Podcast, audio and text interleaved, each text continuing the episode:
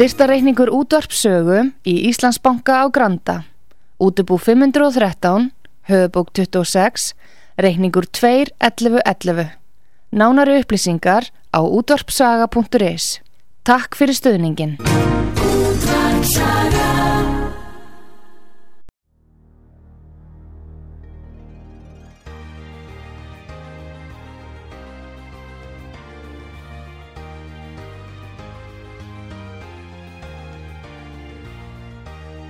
Heimsmálinn í umsjón Pétur Gunnlaugssonar. Fréttir og fréttatengt efni af Erlendum Vettvangi.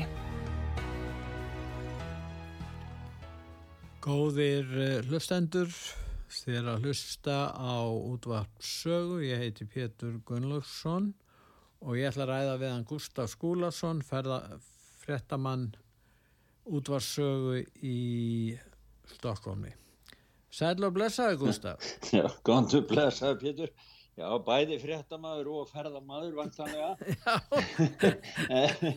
Já, nei, gott að heyra í útarpi sögu eins og ennulega og við erum alveg fullt af fréttum í dag. Það er náttúrulega að bera hægt þessa nýju frétti sem er að koma af fríðar tilraunum til að koma að stað einhverjum fríðar samninga viðræðum eins og eh, er á heimasíðu sögufréttum að afrikansk sendinemnd hafi hitt bæði Selenski og, og síðan Putin núna á löðan Selenski daginn áður eða tveimur dögum áður. Og það er fórsitið Suður Afriku Cyril eh, Ramaphosa sem stýri þessu og, og hann er nú mikill vinur rússarendar og kynverja hann í Suður Afriku en hann getur hafa rússandir er vantarlega tristunum en hann fór leitning til Úkrænu eh, og, og læði áherslu á það að það er epp til fríðavirðarna strax.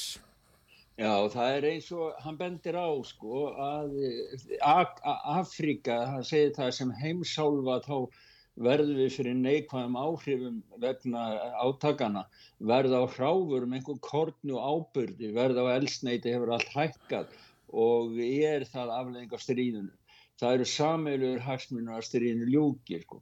það er það sem að ég er þeirra hagu þetta er náttúrulega kortnið aðalega held ég frá, frá Úkrænu sem að skipta svo miklu máli fyrir þá í Afríku sko. Nú uh, hérna rússarnir af síndu og, og byrtu friðarsamning sem þeir þeirra segja að hafa gert við Úkrænu voru 2022 og síndu hérna þessum, þessari friðarnemnd afirísku þennan samning. En sangat þessu samningi þá eh, var gerður eh, svona samningur um það að hætt af rússar hættu að sækja kænugarði en síðan segir Putin að þeir hafa ekkert vilja standa við samningin og hafi rofið samningin en ég hef sangat honum að gert ráð fyrir varanlegu hlutleysi Úkrænum og e, það er að koma alltaf betur og betur í ljóskústaf að þetta snýst í raun og veru um hlötleysi Úkrænu eða Já. aðild Úkrænu að allarsasbandalega. Já, það er, sko, það er kjarnaatriði fyrir rúsa. Þeir setja Rúsland, þeir setja það fram á ottin og meiri sé að hvort það var formaður eða varaformaður örgisrás í Rúslandi sem að lísti því yfir að ef að ef að Úkrænina erði aðilega NATO það væri bara ávísun á þriði heimstyrölduna því þeir, þetta veriðist vera nokkur svona rauð lína hjá rúsum, þeir vilja hafa hlutlust belti og NATO hefur alltaf verið að, að, að vikka út e, sambandið lengra austur og það var nú, ég var að horfa á áðan e, viðtal við e, í bandaríkjunum þar sem að einn herfóringi var alveg vandraðum þegar hann var spurður því hann nefnilega orðaði þannig að rúsneski hérim er alveg komin upp að landa meirum NATO og þá ja. voru hún bent á það að ef að NATO hefði ekki fært út uh, austur landa meiri sín með því að takla í sífælt fleiri þjóðu þá mætti nú freka líta á þannig að það væri hermen NATO sem væri komin upp að landa meiri Rúslands í staðin. Þannig að hann átti mjög miklu mervelikum með að ræða þessi mál greinlega. En, en hérna sko þess að það eru aðeins ég hef korki geta fengið samningin frá sko þessa punta fríðavísirinn frá Afríku. Ég bara sé þetta í fréttum en ekki sé sjálf sko frum eh, skjölin og heldur ekki þessi frumskil hann, hann vísa síndu þau í, á blagamannafundunum fyrir framæðast og þetta var byggt og við erum með hljóðbútaði frá, frá þessu Það Já. er Putin sem talar hérna í nokkar sekundur Já, það er nú að vísa hann talar í bakgrunnu það er þýðandi sem þýðir, þetta já. er á ennsku sko. Já, já, það er þannig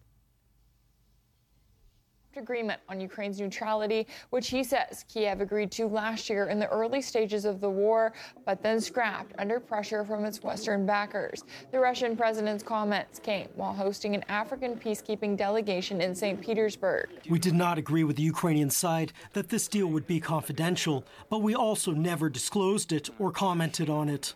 The draft of this agreement was initialed by a representative of the head of the negotiating group from Kiev.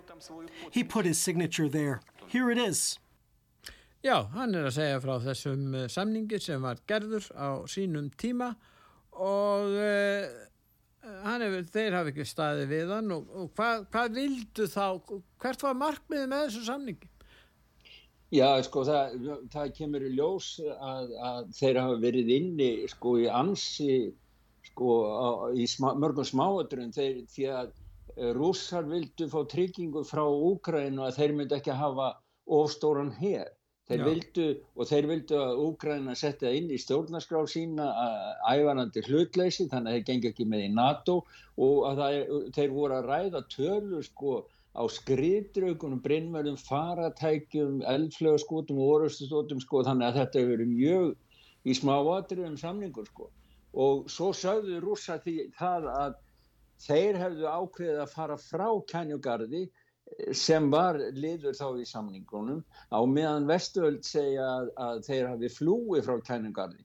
En svo kom það í ljóð síðan að Angela Merkel segi það að þessi samningur hafi verið gerðu til að vinna tíma fyrir Úkræna að byggja upp hersinn þannig að hverjum ámar að trúa sko í sambandi við þessi mál það, það er náttúrulega hvor aðli fyrir sig hefur sína frásögn af ástandunum. Sko. Já, en ef að uh, þeir vildi ekki allt standa við samning, Minsk samningin 2014 og 2015 og núna þennan samning, uh, þýðir eitthvað að gera samninga? Ég minna, ef, ef þetta... Það, það var akkurat það sem að Putin listi yfir á þessum fundi. Hvernig getur við reitt okkur á að þeir rjú ekki samninga í framtíðinni? Og, og, en hann segir það, rúsar þeir vilja allavega setjast í samningaborðu og ræðamáli, segir hann. Þeir eru til viðræðu, þeir, en þeir eru með mjög sko, sína kröfu.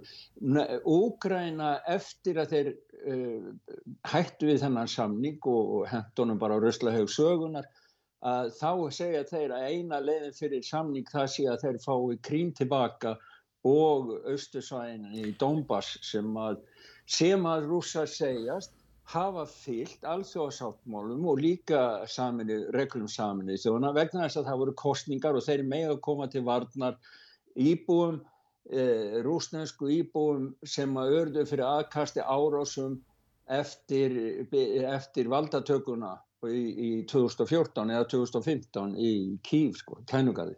En sumir eh, vesturlanda stjórnmálumenn telja að þessi gagsókn úkrænumanna hún munin bæta samningstöðu þeirra og þeir eru einhverja möguleika á að reka rússana af skaganum og þarna austurhlutanum en það virðist nú vera sko frekar óraunæft og það er til dæmis einn hagfræði profesor bandarískur sem er út af fjallum það hver, hver óraunsvætt við horfið er og, og að sagan sé alltaf að endur taka sig uh, hann heitir hann heitir uh, Jeffrey, Jeffrey Sachs ja, Jeffrey Sachs já Eh. Hann er, er sérfræðingur í Úkræn og í sögun og hann er búin að vera sko, mörg, mörg, mörg ár að, að vara við þessu, að, að þessu ástandi og það, við ættum, við erum líka með hljóput frá honum. Nú skulum heyra hvað hann segir um þetta.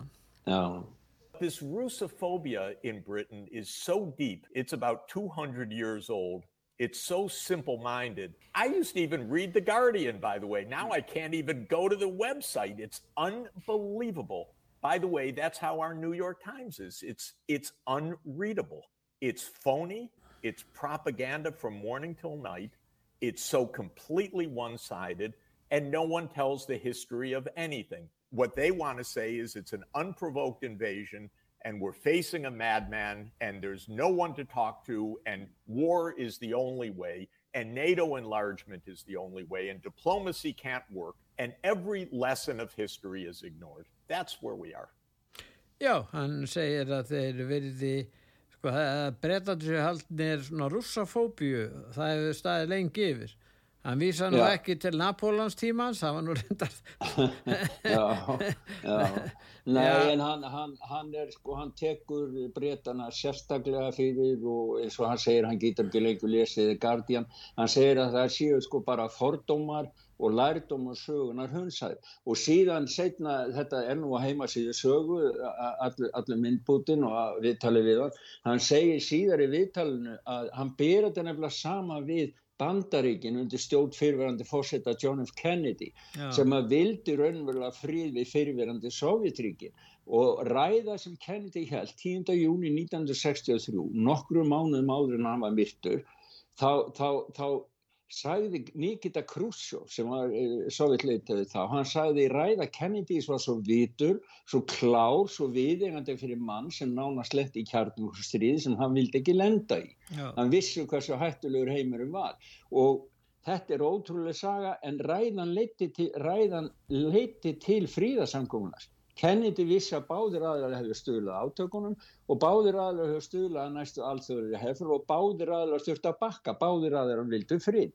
Þannig að sko samaburðurinn við það sem að skeið þá og það sem að skeið í dag, hann segir til miður. Maður hefur bara týnt burtu allri sögu, sögunni. Sko. Já, það eru fleiri, það er hérna þingona í, eh, hérna, í Evrópu, hérna, Evrópusambandinu. Já, hver deili. Já, Já, Claire hún, Daly. hún segir í raun og veru að, að Evrópu þingi sé ekki málsværi fyrir almenningaði íbúana í Evrópu og afstæða Vesturlanda í þessu Úkrænustríði sé eins og norða brjálæði á styrum. Það sé bara brjálæði og heimska í gangi og það verður bara að stöða þetta.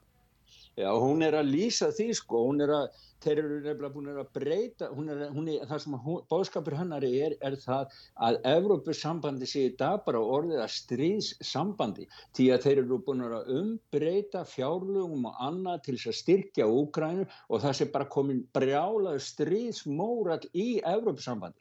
Við höfum alltaf fengið að heyra að Evrópusambandi er fríðasamband og það sem neila þeim að þakka setni heimstyrluldin hættu og allt það og sem búið að vera fríður í Evróp í 70 ár og ég veit ekki hvað en hún segir það bara, þetta, að það er bara ekki, þetta er bara orðið stríðsamband. Ef ekki að hlusta hans á hana? Jú, svona herri hvað hann segir.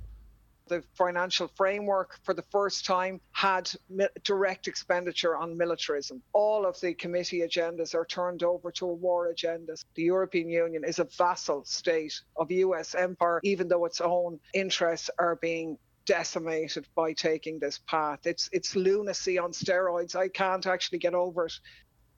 Já, og hún er að segja að þeir eru einlega stríðshagkerfi í NATO í raun og veru.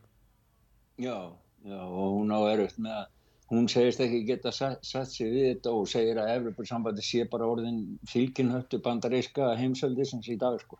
Já, Trátt fyrir það að eigin, það sé verið að tróða eh, sko fótum eigin hagsmunum aðeldaríkja Evropasambandi. Maður sé nú bara í orkumálum annað sem við höfum rætt svo mikið sko hver, hver, og hvernig ástandið er sko. Þannig að þetta er, já. En það hefur nú verið þarna þessi, þessi BRICS-hópur, hann hefur nú ekki verið mjög samstiga endilega í möllum álum. Þannig eru kynverjar og, og indverjar sem hafa nú aldrei verið sko, já, mjög miklir vinir en eru samt svona að eiga talsverð viðskipti sína á milli og svo er það söður, söður Afríka og Brasilia og Rússland og þarna eru þrjú hagkerfi sem standa nú ekkit vel Rússland, Brasilia eða, eða Suður Afrika sem stendur mjög illa. En það er náttúrulega Kína og Indland er að sækja sig veðrið og verða stefnir að því að verða fjórða eða fymta stæsta hagkerfi heims núna á næstu árum. Og svo er það náttúrulega Kína. Hmm. Já, þeir eru sko, þessi frétti er um það að þeir eru nú svona, já ekki að monta sig en þeir eru svona stoltir að yfir því að það eru fjöldi landa, það talið upp uh, 20 lönd Já. sem að sækjast eftir því samstarf. Sem standa mjög illa fjárhagslega eins og Argentina og, og þessi ríki sem að kymverjar hafa verið eins og Sri Lanka og Ghana og Zambia og, og mörg þessar ríkja, þau, sko ég er ekki að segja þau sækjum en það eru ríki sem er í raun og vera að leita bara eftir fjárhagsstuðningi til kymverjar það ekki og það er sko að segja það að það eru lönd í Arabaheiminum, Asíkirjarsæðinu sem að býðum að fá að vera með sko Já. en má, málið er að sko geta þeir sapnað mörgum ríkjum og þá, þá náttúrulega og síðan yfirgifið dollaran þetta er svolítið spurning um sko átök við það að komast og verða sjálfstæðu frá dollaran. Það er náttúrulega oljuríkin eins og þú bendur á sem eru öflugast í þessu máli Það er að segja ef að, og það er auðvitað tilvist Ísrael sem hefur valdið þessum hérna, sinnaskiptum í þessum heimsluta að þeir snúa sér meira að rússum og, og, og kannski bryggs vegna þess að þeim finnst einhvern veginn að, að Ís, Ísraelsmönnum hafi, hafi verið gefið allt og laus, lausur taum og, og fengi meira svigrum en þeir ætti að hafa í raun og veru. Þetta er sko spil eh, heims eða sko spil á hæsta plani í öllum heimun heimsvalda tap sko. og svo, svo var að koma sko að því við vorum nú að ræða þetta með NATO og Úgrænu sko Evrópussambandið er bara ma, ma, ma, ég er alveg hættur að skilja bara hva, hvað þeir eru að gera þar. Þeir voru að samþykja núna þingi að krefjast þess sko Evrópussambandsthingi var að samþykja álutum það að krefjast þess af NATO að taka Úkrænu inn í, í hörnabandalega. Úkræna vitt fara inn og þeir eru búin að bjóða Úkræna að segja ef þið viljið koma í Evrópussambandi þá samþykju við það. Hva, hva, hvað er Evrópu, sko, NATO á að vera sjálfstætt hernabandalag. Hvað er Evrópusambandsþingið að ákveða fyrir NATO hvaða löndi að koma þar inn? Mér finnst þetta sko vera sko frekja í 15. veldi sko að vera að samþykja svona áleiktan en það bara sýnir sér sko þetta er alltaf verið að renna saman í eitt hlut og eina hagsmunni bara það bara þeir bara sjá, sjá engan enga laust, engin friður í sjónmáli, eina lausnin það er bara reka rúsa burt og krím og, og östu hér um og grænu og, og ein, og einangra þá einangra þá. Já, einangra en svo náttúrulega okkar auðvitað ekki sá þeirra að þetta einangra rússana meira. Já, einangra og hvernig ég, ég bara, já. 400 það voru bara 38 þingmenn sem greiði atkvæðum út og 42 satt í á þannig að það verður hægt að segja þetta sko yfirgnæfandi samþykki fyrir þessari tilvöðu hjá Európa samfélstingi já þannig að það sko og það þá sko þessi fulltrúi sem sagði frá áðan sko blóðdómir nei byttu við það var ekki það, þetta er nú frétt frá Rauter sko. Mm. það var, við, það var viðvörnum frá öryggisráði Rústlands Já, að, að, að, að þriðja heimsturöldin gætur það veruleika ef að Úkræna gengur í NATO Já, það var, kem, þetta er, var Alexander Venedicto var að forma Rauríksráður Úsland samkvæmt þessari frétt sem, sem Rauter saði frá sko. En það er eitt í þessu Gustaf það, menn segja fullvalda ríkja og rétt á því er bara hluta fullveldusréttur um ákveði hvað bandalögu þetta er. Nú er það, eh, það er ekki séi en, en við verðum að hafa það í huga að stórveldin hafa oft skipt sér og ákveði hlutleysi ríkja. Gott dæmi er Östuríki ég menna ja. Östuríki er hlutlaust ríki vegna það hafa gett samkomulega um það eftir stríð, setna stríð. Og það hefur gengið ágætlega skilur þannig að, að, að nú segja menn, já, Úkræni vil gangi allarsasbandalæsi því að það allarsasbandalæsi þarf að verja landamæri Úkrænu gagvart Rúslandi, er það ekki rétt? Ég menna, er eitthvað vafi á því þá? Já, nei, þá, já, þá er bara allan hans bandalegi komið upp bara orði, bara með landamæri sko, og, og Finnland og alveg það er Það vantar bara, bara Kvítarúsland og hver já. að fara þeir inn? Það er spurning Já, ég menna þeir eru búin að koma fyrir kjarnorkuvopnum í Kvítarúslandi og það er ekki af ástæðu lausi, sko, ég held að þessi skítrættir um það að verði einhver breyting í Kvítarúslandi og pólverjarnir eru að svona kynntundir það og það er nákvæmlega manniska sér til þessi rétt kjörna. Og, og maðurinn hennar í fangelsi. Og, þessi, og, og, og það, er, það er allt í fullu gangi þar og pólverjarnir telja þeir að það Kvítarúsland er það svona ríki sem væri mjög hlind þeim og ég tala um Úkræna þannig að, að þeir eru sko þeir beita sér mjög fyrir þessu pólverjarnir að stekka yfir á það svæði sitt. Þetta er alveg bara, alveg bara skjálfilegt sko. Þetta, þetta fyrir að nálga svona, svona eitthvað svona bara eins og eldkjall sem að fyrir að gjósa sko, maður, eða gæti gert það skilur, að, að bara eitthvað lítið tilvik, bara óvart eða miskilningur eða eitthvað gæti bara en það þykir, sko, spera, það þykir bara hallaræðislegt hallaræðislegt verist vera að, að hafa bera skinnbrað og skilja öryggis hagsmunir Úslands ég meina þjóður, ég meina við myndum segja ef að kynverjar kæmu með vopn kjartokvopn eða önnur vopn bara ja, og rússarnir ja. að landamærum bandaríkjana bæði frá Kanada og Mexiko þá myndum ja. við Íslandika segja þetta eigið ekkert að gera þeir eru augra kananum þarna með þessu og, það er eðlert að, að bandaríkja menn séu ósáttur og finnir til öryggisleysis að hafa ykkur þarna landamærum, ekki rétt Já, já. En, bara, en sko, akkur gildir þetta ekki um Rúsland líka? já, ekki... þetta, þetta er voðalega skrítið sko, maður, sko, ég vil ekki fá kjarnúrstríð og ég held Nei. ekki að margir vilja það en ákveður ekki segja það vil það náttúrulega enginn nema fólk sem á heima geðveikra hæli já, því að það verður sko, það, það, það verður enginn sigur vegar í kjarnúrstríð og er ég þá rússa, rússa dindill vegna þess að ég vil ekki fá kjarnarústri. Ég vil lifa lengur. Menn, ég vil að allir sem er ungir í dag á Vesturlöndum annars það geti lifa lengur. Þetta er alveg hryllilegt sláturvél sem er hérna hakkavél hérna sem er hérna í Úkrænu núna. En ef að kjarnarústri fyrir í gang þá getum við bara glimt, glimt. Það er bara sjálfsmorð.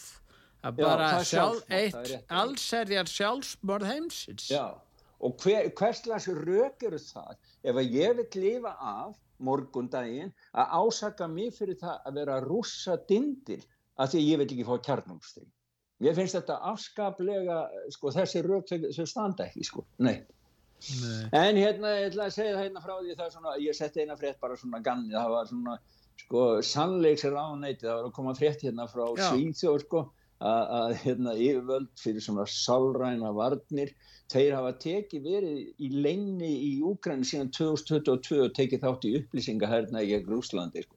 ég var bara að frétta þetta sjónvar, sannska sjónvarp var að segja frá þessu við mentum og þjálfum Úgrænski yfirvöldi því hvernig ná að heia herna á upplýsingavettangi ég ég hef ekki kynnt með þetta en það var einhver sem var gerðið grínast og tvitt og sagði að þetta var bara sænskur heilaþóttur í bara í útflutningi, það var að vera frít út sænskan heilaþótt Ég vilja svíjar sumir taka þátt í þessari styrjöld gegn rúsum Já, já, já alveg. Er það bara Karl 16. endur reistur hann? já, já Það, það gekk nú ekki alltaf vel hjá honum.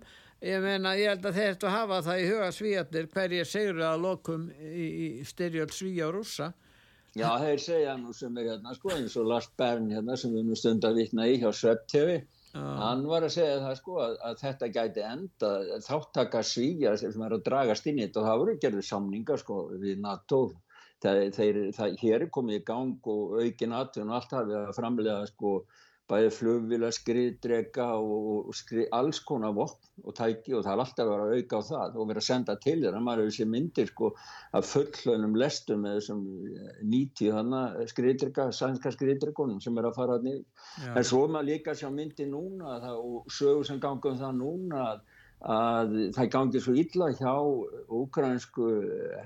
ukrainska hernum í viglínunni að þeir eru farnir að, að, að eidilegja þýskum skriðdregana til þess að geta flúið frá Le Leopold þetta heita það já, já, já. Le Leopold. Þannig að það, það var eitthvað verið að vitna í, í der spíkelum það sko, við talum eitthvað fólk. En ég selða ekki dýrar en, en, en það er skilur, það ganga á samarka sögur sko. Já, nú eh, hérna við komum kannski á því eftir ef við förum að tala um uh, það sem sem er kallað glæpa fjölskylduna sem er við völd í kvítahúsinu Já, og ræða ýmislegt sem að hefur komið fram hjá þeim. Og við ætlum núna að hlýða nokkru auðlisingar og eftir auðlisingar hlýða þá förum við að skoða hérna, hérna glæpa stöðuna þarna í kvítahúsinu Já, það er mikið að taka í maður. Já, við gerum það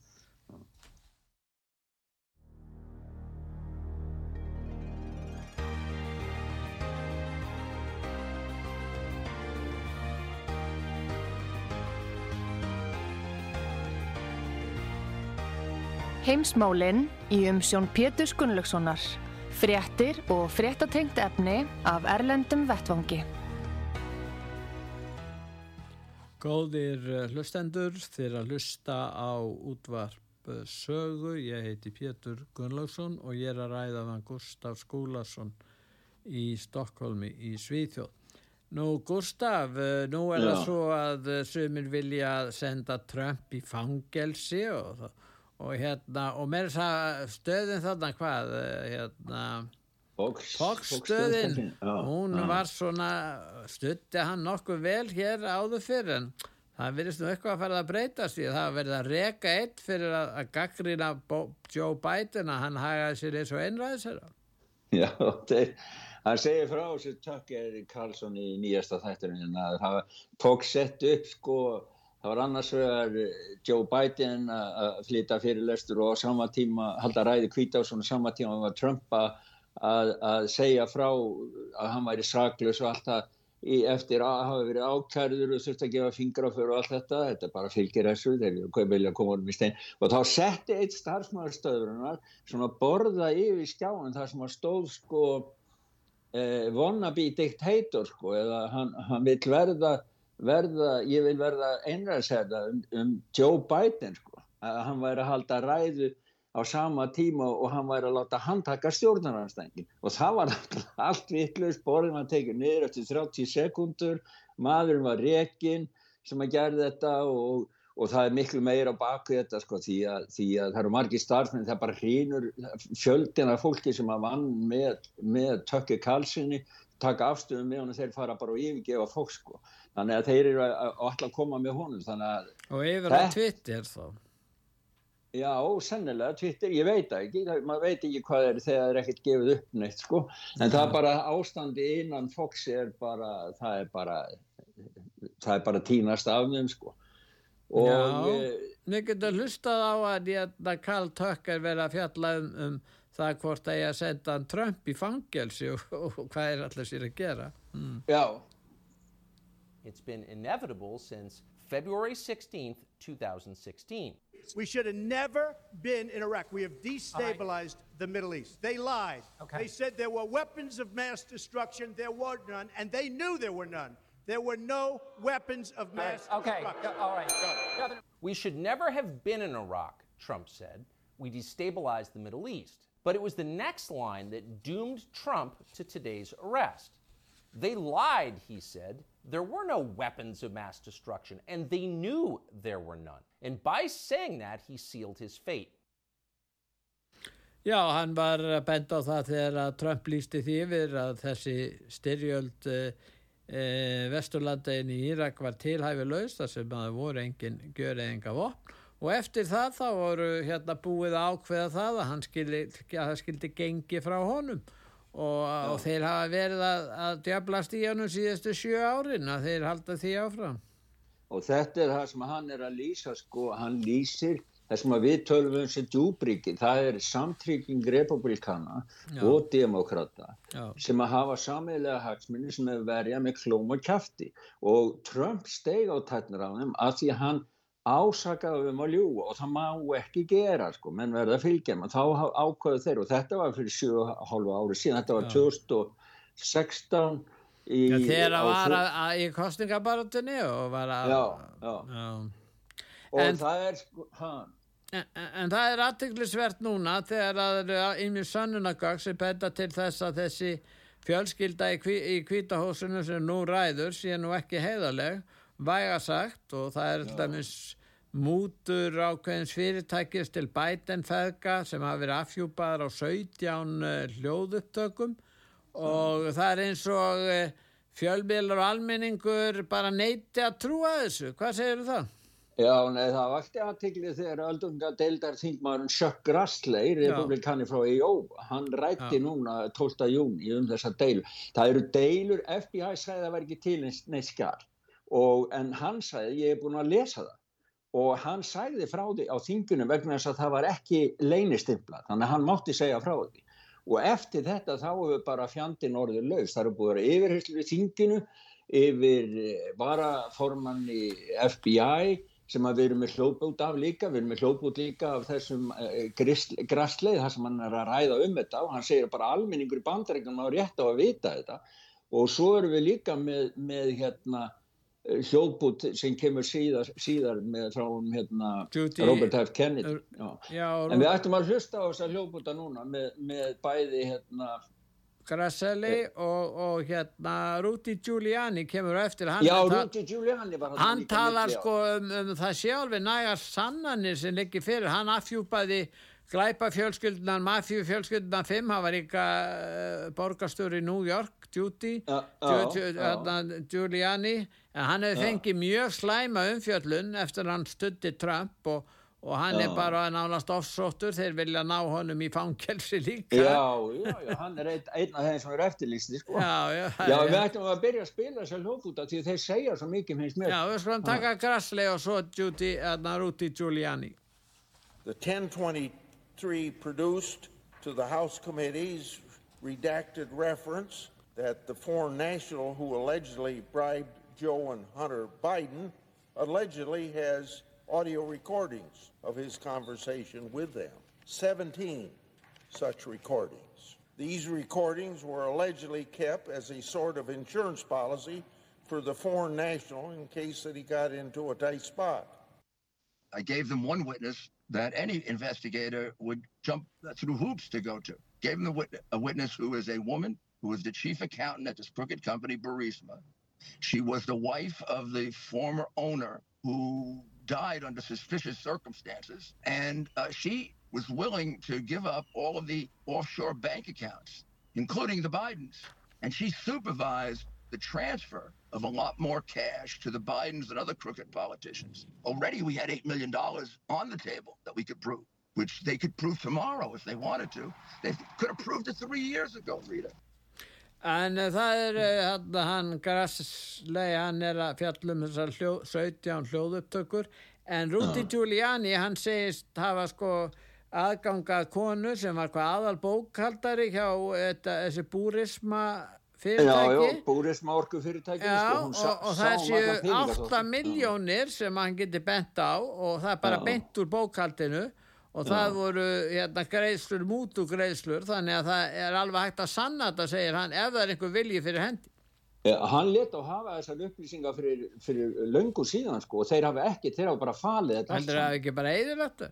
Já, það er nefnilega það. Og svo, það er aukið þá bentan á til þess að íta undir sko alvöru málsins að hún var í lífsættu því að maður sem hún var gift eh, áður hann, var, hann dó á einhver svona eh, ekki, ekki eðlilega hann hátt hann var yfir maður búrisma en við ættum líka að heyra hérna heyra í, í hérna aðstóðar uh, fórstjóra FBI já, Josh Hawley var með yfirheyslu núna í, í, í bandaríkjaþingi og það er bara við ættum að heyra það, hvernig FBI svarar. Já, það er aldrei ekki að þykka bara að, að yfirheyra aðstóða fórstjóra FBI So, okay, so now we've confirmed that the document exists. That's progress because the FBI director initially denied that it exists. Why did he do that? We have already and previously acknowledged the existence of the documents. Yeah, after you first denied it. Now, uh, when a member of this committee read it, let's just get the record straight. The FBI director initially said it doesn't exist. Then Senator Grassley said, I've read it. Then he said, oh, okay, well, gotcha. Why don't you just release it? Is it classified? The document is not classified. How about just a yes or no? Will you commit to releasing this unclassified document that alleges that the President of the United States has taken $5 million or more in bribes from a foreign nation? I said, no, I said, I'm not going to, we're not going to give you the billion dollars. They said, you have no authority. You're not the president. The president said, I said, call him. I said, I'm telling you, you're not getting the billion dollars. I said, you're not getting the billion. I'm going to be leaving here. And I think it was, what, six hours? I looked, I said, I'm leaving in six hours. If the prosecutor's not fired, you're not getting the money. Oh, son of a bitch. Got fired. Já, hann sagði að þetta er skjál sem að eh, greini frá því að Biden fekk 5 miljónir dollara frá Búrisma fyrirtækinu. Já. Hann átti þátt í því að láta reka saksóknar í Ukrænu sem var að rannsaka Búrisma fyrirtækið og sagði í reynar í viðtali að, og það geta allir hafa geta séð þá, geta séð það á, á Google líka, eða er ekki búið að taka það út, að þar sagði hann að, að einn lán upp á einn miljard sem að þeir borgan alltaf aldrei tilbaka Úkræna er þið ekki afgreitt nema að þessi saksóknari sem var að rannsaka búrisma glæpa fyrirtækið er þið rekin og hann var rekin og, og allt gekk sem hann að gang og, og, og Pöttur Bætin fekk sína peninga uh, bandaríska alríkist uh, þjóðunustan hún faldi skjalið Já. og allir fengur sitt nema náttúrulega bandarískir uh, bandaríska þjóðin sem situr uppi með, með greiðslutnar og, og svikin gagvar sínu þjóðröryggi Já, hugsaður að þetta er maður sem er fórsetið bandarækinn í dag, sko. Og ég menna hann, hann og sonur hans, þeir settu Hunter Biden inn í stjórn fyrirtækisins og Hunter Biden og Joe Biden fengur 5 miljónir dólar að hvor fyrir að reyka og koma ríkisaksóknarunum burtu. Svo að búrisman gæti haldið áfram í sína ólölu starfsemi eða spillingu eða hvað, hvaða sem það nú var sem að saksóknarinn var rannsaka eitthvað hafa þeir nú haft eitthvað að fela fyrst að þeir og reyði búin að borga 10 miljónir dólara fyrir að láta fela. En það liggur alveg fyrir að þeir hafa notað þessi sjö ár til að sverta mann og Trumps. Það er ímislega sem Trump er náttúrulega þekktur fyrir bersögli og, og, og alls konar yfirlýsingar sem gerir þeim auðveldara fyrir með því að búa til ykkur sögur í kringu það. En að jáfnframt því hafa er ekki minnst á þessa mútugreislu til Biden fjölskyldunar þannig þeir verja Biden en halda áfram og þingja en þá á með eh, hérna svelta, smána og niðurlæja Trump. Hann. Já og hefur hilma yfir glæpi Biden fjölskyldunar Já það er verið að ljúa eins og, og hefur komið fram sko allir FBI-agentendir sem skrifið hérna með Rössja, Rúsland, Rúsland hérna að hann væri rúsneskur hérna bara njósnari Trump í bandaríkjum og, og, og svo bara loið og loið og komið svo núna þess vegna eru þeir að halda áfram með þetta kæra hann og kæra þó þeir vita að þeir hafa ekkert á hann. Það búið að vera sko það verður engin maður, ég held ég bara í sögubandaríkinu, er rannsakaður aðtájafn ekki eins og Donald Trump, þeir hafa ekkit á hann, en þeir þyrla og koma á, á hann allan tíman að þeir eru að fjela sína eigin glæpir. En það er bara... ekki engöngu Trump sem er að gaggrina bandaríska spilta hérna yfirstjætt, elítu yfirstjætt. Það er maður eins og Robert Kennedy Jr. sem er í framhóði hjá demokrataflokknum og Já. hann segir að verið sé að eiðilegga millistjættin í bandaríkjónum hún sé að missa smám saman allt sitt. Og Já. þess landinu sé stjórnað að glæpa líð og livjaðinanum og öðrum svona stórfyrirtækjum og alþjóðlegum sem er að misnota valdastöðu stjórnmálamanna og sína til þess að, að ná sínu fram. Já, hann segir það sko, hann er, hann er Hann segir það að bandaríkinn bara hafa farið út af spórun frá því að vera land sem að, þar sem að fólk þýtti eitthvað, það hafið þýðingu, þá er þetta bara land í dag þar sem að fólk er haldið nýðri og lítil spilt elita stjórn út frá einn hagsmunum, það er bara bandaríkinn menn skipt ekki lengur máli og þetta er náttúrulega mjög þung orð frá manni sem er í, í fósetta að keppa um fósetta. Hann fær 20% í þessu, hann er rétt byrjaður þannig að hann getur auki fylgjusitt það er að vonandi getur hann afhjúpa þennan Joe Biden og hans fjölskyldu. Já, Robert Kennedy skilst... fjölskyldan er þekktasta fjölskyldan innan demokrataflokksins við skilst að hann komi bara þokkalega út í sambandi við svona skoðanakannan og annar hlustum á hann, það er kannski svolítið erfitt að afta sig alveg á því hvað hann segir. Heyrum aðeins hvernig hann segir lýsir ástandinu, það er vægarsagt dögt Já you know, both parties have lost their way. And my party, the Democratic Party, has become the party of war. It's become the party of censorship. It's become the party of pharmaceutical companies, of, you know, the neocons, this very aggressive, belligerent uh, foreign policy, that's forever wars, turning our backs on the American middle class, which is the only thing that sustains democracy. And the middle class has just been wiped out in this country, and nobody's talking about it. You know, and I think that's why Trump was so popular is he, he was the one guy who's talking to those people. Nú mellistjættin ef henn, hún eru þurkuð út þá þurkaðir út líðræði í leiðinni. Já, Það er án, án millistjættarinnar sem vinnur þessi störf og heldur samfélaginu gangandi fyrir þetta það líðræðs hreyfingunni þannig þegar að, að, að, að hún hefur ekki lengur áhrif og búið er að grafa undir henni fjárhagslega, félagslega og menningarlega þá er nokkuð ljóst að, að, að líðræðið er á, á brauðfótum. Já, hann segi það sko að vinsaldi Trump sér vegna þess að hann var svo eini sem talaði þetta fólk og, og, og, og millist þetta fólk og ég held bara margi líka bara venjulegi vinnandi heiðalegi bandarkjumenn, þeir eru reyðu vegna þess að það er enginn sem hlustar á það sko. En það sem að mér finnst vera alveg svakalegt í yfirlýsingu hann, það sem að segja lýsir því yfir á flokkur hans, demokrataflokkurinn, sé orðin stríðsflokkur, flokkur rítskoðunar Já. og vinni fyrir hagsmunni livjaðinaðins. Já. Flokkur ný íhalsmanna með mjög árásagjarna herska og auðanengistefnu og vinni að eilifi fyrir stríð. Já. Þetta er náttúrulega alveg skelvileg umsögn og ummæli um þann flokk sem að maður er að, að, að fara að berjast fyrir sko. Já, hann er skrifað um bandaríska livjaðina enna stóran Dóðrand sem hann skrifaði, hann Robert Kennedy Jr. og það er, þar kemur þetta fram að, að COVID-sprautunar eru hættulegri en óttast var.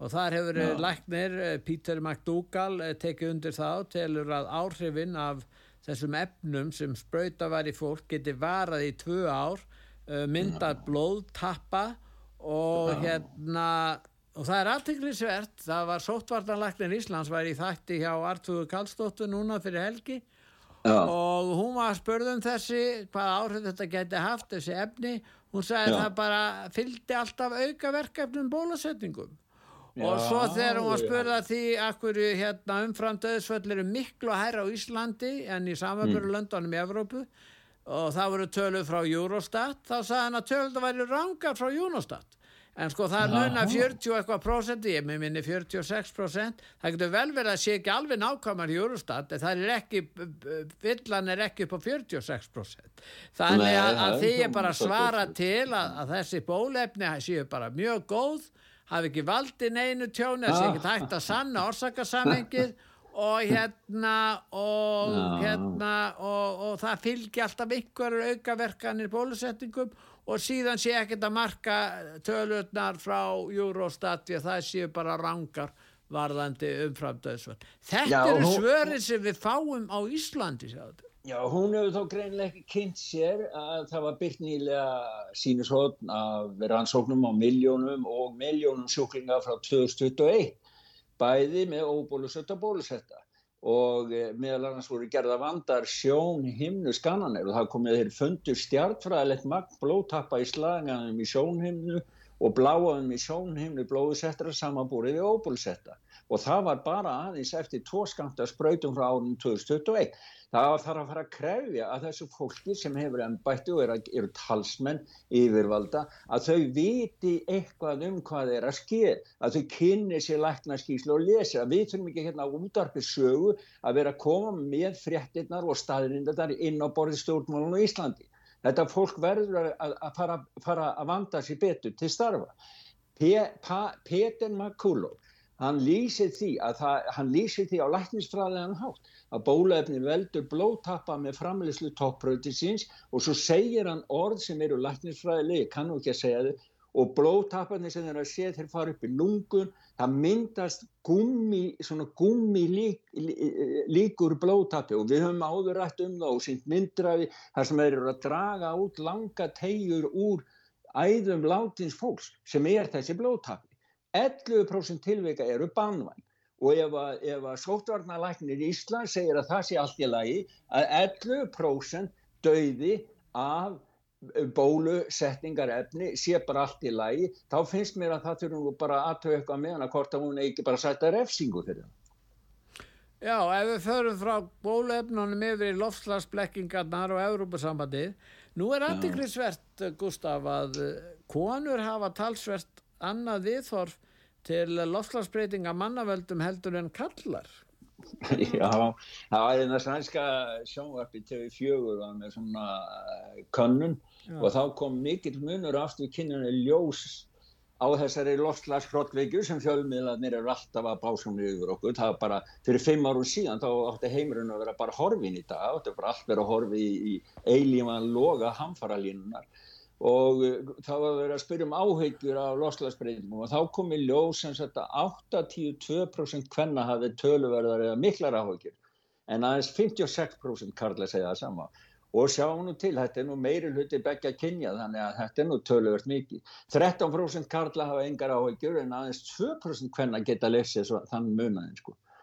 Já, en þeir eru á fullum krafti að reyna að, að berjast gegn því að menn líta á þetta öðrum augum eða er vilja. Til dæmis eh, eh gamli hérna massistinn Antonio Guterres sem er núna framkvæmdastjóri saminu þjóðana Já. hann kallar eftir sko alheims aðgerðum í baróttunum við lofslagslíina það er að segja sjálfsagt í baróttunum við okkur meðal annars, ég veit ekki já, já, já, það er sko þeir eru búin að gefa út hann var með ræðu núna í helgi bara síðustu viku, þeir eru búin að gefa út eitthvað sem heitir eh, sameigleg stefna policy brief 8 information integrity on digital platforms, það er að segja sko, hvað ég að segja, stafræn, stafræn, stafræn upplýsingar á, á, á samfélagsmiðlum. Hann er að segja, það er tilögna með því að búið til varnagarðar sem aðstofa stjórnvöld við að saminast um stefnu sem setur fram staðrindil. Það er áhrifir ángra upplýsing og hatursnétunum að sjá um allan heim eða annars á síðu helbriðs og loftlagsmála, segir hann. Lýðræðis og kostnum. Hann segir sko að bara stafræni miðlar, samfélagsmiðlar, Hann er að vara við hættun á þeim því að þeir spúi hatri til miljardamann og kynnta undir dauð og eðaleggingu. Sko að hugsa þér, hugsa þér gæði, getur. Já, já, hann var nú bara í þeirri pólitík þegar hann var þarna á sínum tíma, við höfum gett minnast meira á hann.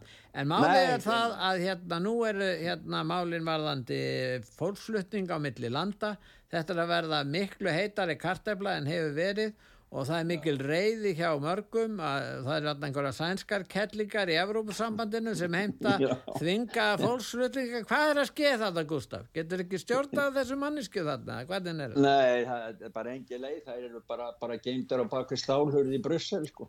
Hvað, hvað, hvað er neila? Er þetta gamli kratar sem var, já, já, var, var tróðið þarna og er alltaf gamlar þarna í, í þessu seti þarna? Ha? Já, Hilva Jóhansson þetta var stóra djópi sem, sko, þetta er bara, kratarnir eru þannig, wow, nú fær hún fína flotta ennbæti, sko, þetta er bara karriér fyrir hann og svo er hún að kála Evrópu hún er að koma á, á skildu en það er bara, fólk er ekkert samáls Pól, Póland alltaf beita neitun og allt ég held Ungarland gera það líka. Hún þær vilja er... þvinga það fólksflutninga til Evrópa-samhalsins Pólverja segja nei við munum ekki já. borga þetta. Sannir já. finnar er búin að få sjör á þeirri nýri ríkistjórn Finnlands. Þeir alltaf ekki að samþykja þetta. Með þess að fjármálar á þeirrin er, er sannur finni. Og já. svo er Lupen komið með hvað? 65-70% fylgi í, já, já. í, í, í Fraklandi ég meina Macron er, hefur, má þakka fyrir að hann næri við tutta, hann er svona sami svipa fylg og sjálfstæðislokkun á Ísland hann er búin að vera hann á, hann á, það er fólk, frakkar er bara búin að fá nóg á hann þeir æla eða eh, bara sjá nafnina sko.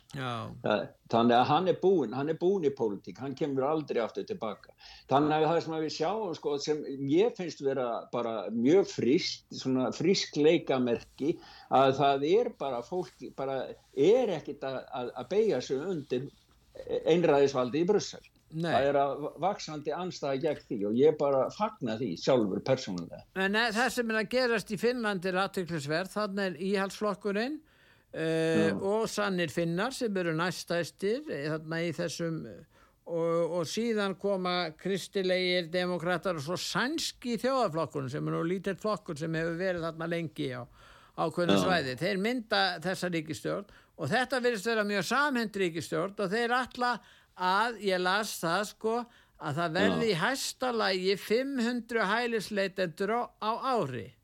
Já. og hvað er Ísland með marga? Við Ísland erum með 8000 hérna. Og, og, heyrðu, og, og hérna Já. við verum fyrir með 8. ári en við erum 300 hvað á 80.000 þeir eru villi 5 og 6 miljónir finnarnir með svo stu 5 pluss þannig að ef við ættum að fylgja þeim þá ættum við að hleypin kannski 20 hælisleitundum ári. Skilur hlutfallslega? Já, en við flytjum inn nú þegar miklu fleiri eldur en Danir og Finnar gera. Samt sjá þeir ástæði til að skera niður hjá sér. Sko það er Já, einhverjir bara- stór furðulegar verur sem stjórna í stjórnaráðinu hérna hjá okkur á Íslandi. Já, ég held bara, ég getur ekki bara verið þessi ráþæra þeir séu orðin svo hugmyndalega sko montnir og upp skapnir af því að við hafa komist í einhver erlend blöð og annað, bara þeir bara er bara eins og þau sé á styrum sko, þetta sé bara lýsingin eins og hún var að segja þarna, da- Dali þarna. Ég bara... Ég, skal svo- alveg sagt ef þeir þurfa að vera á kókaini og vera að, að, að hérna, sjúa í nös þá skulum við alveg sagt okkur við það þeir hafa lámars heilbriða skynsemi að öðru leiti Já, þetta, ég get sagt þér það, það er nú, sko, þegar hún nefnir kókain þá þetta mér bara í hug. Svíþjóð þar sem ég er, það er alltaf þeir eru að taka starf og starf magna af kókaini Já. og ástand er orðið þannig hérna í Svíþjóð að það er bara, sko, það er bara orðið komið í tísku að drepa, glæpa gengin, sænska sjónvarpum að viðtal við glæpa Morðingjar njóta virðingar. Já, ef þú ferð út og drepur þá hefur þú meiri virðing á götun sko. áður fyrir þá var það að eiga flottan bíl eh, dýran bíl, Mercedes, Benz eða eitthvað svo leis Já. og vera með fallega, fallega stúlku og gull, ar- gull og armbönd og Já. allt það en núna er það, það gildir ekki lengur, dugar ekki lengur, nú er það að fara út og drepa, það er komið í tísku hérna. Þannig að þetta, og það breytist ekkert hérna. Stjórnmálmenni breytist það er að vestna hjá ykkur ekki? Já, bara gjörsamlega vestna. En normenn, þeir allavega var einn norskur hérna, laurumstjóri sem að var að segja það að þeir vildi ekki endur taka meistök svíþjóðar en hann sæði það beint út að frjálslindari innflytjar stefna Svíþjóð var grundötu lástansi því að Svíþjóð sker sig ekki bara út á Norðurlund það er 63 uh, skotvopna morð hér á ári með við fjögur í Finnlandi, fjögur í Nóri og tvö í Danmörku sko, Já, en það á Íslandi eru við komið með harra hlutvald eldur um þetta. Það var núna verið að drepa einn núna um helgina. Þetta er orðið venjur, sko, það, þetta er hægt að vekja aðtikli mandráp og morð á Íslandi. Sko, að... eru bara, þið eru bara að komast í Já, bara, þið eru bara að elta svíja sko. Við erum bara á að hraðri leiðin hérna glæstu fjölmenningar, hérna, Já, glæsta fjölmenningar ástand. Er það ekki?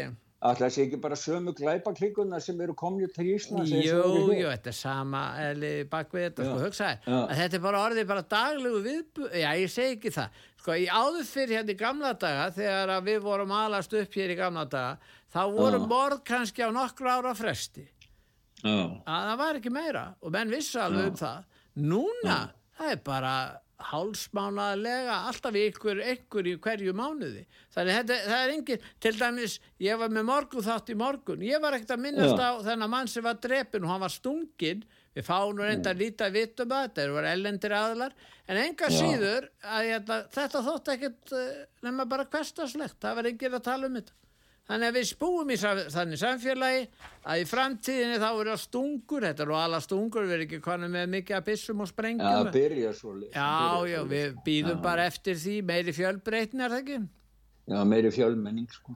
Fleiri Já. handsprengjur og betri, meiri vopp sko. Já, já. Spissur og jú. Nei, þetta er alveg skellveit. En ég hérna, af því að það var nú 17. júni hérna, ég skrappa hans nýr í bæ, Já, að verða að segja frá því, ég skrappa hans nýr í bæ, ég fyrir og stundum hérna nýr á Hátorgi, það er við hliðin á, á hérna, konunglega tónlistarhúsinu sem að e, konungur gefur, e, dreifir hérna, eða veitir Nobelverðlunin, já, afhendi Nobelverðlunin. já, og það var, ég var svona um tólleiti á 17. og, og það var að köpa blóm Já. og svo hérna, þá heyrði ég, sá ég að það var músík og heyrði músík og ég fór að stoppa og það voru ungi krakkar sem voru að spila og svo sá ég íslenska fána.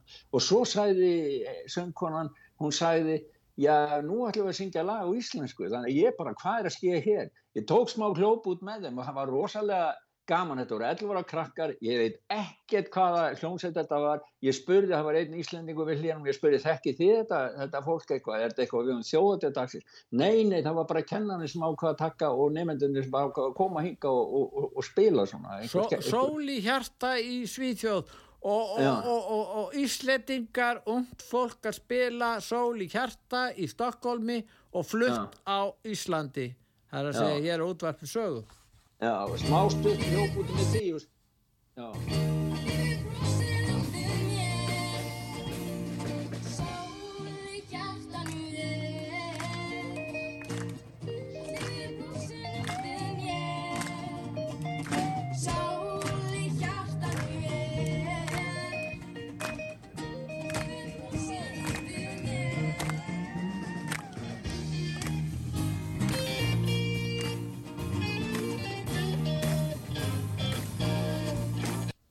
Já, þetta var hljóðbútu með þessum ágættum ágættu Já. unga fólki. En Þetta var valdir... náttúrulega ekki stúdíu upptaka. Nei, nei, en Já. við getum hlusta á Tómas hvað letin, sumarið er stutt hann, hann reyndar ekkert sumar hjá okkur að ráði hérna í Reykjavík en hann er eitthvað lítið því beður Ha, hann segir að maður er að njóta þess þegar maður sér sólina því að sumar er sér stutt og það mest að það rigni bara burt. Já. og það er eins og núna í Stokkólni, sólinn skín í dag hérna, nei hún skín ekki, hún skein í morgun. Já, en, en þetta passar alveg við, við ástandi hjá okkur Gústaf. Það er þakkaði fyrir. Ég þakkaði fyrir Gustaf og hlustum á lagi þó að, að sumar sé stutt þá erum við samt hamingjusamir, ekki satt Gustaf? A alveg með sól í hjartanu. Já, einmitt. Bless. Já, bless,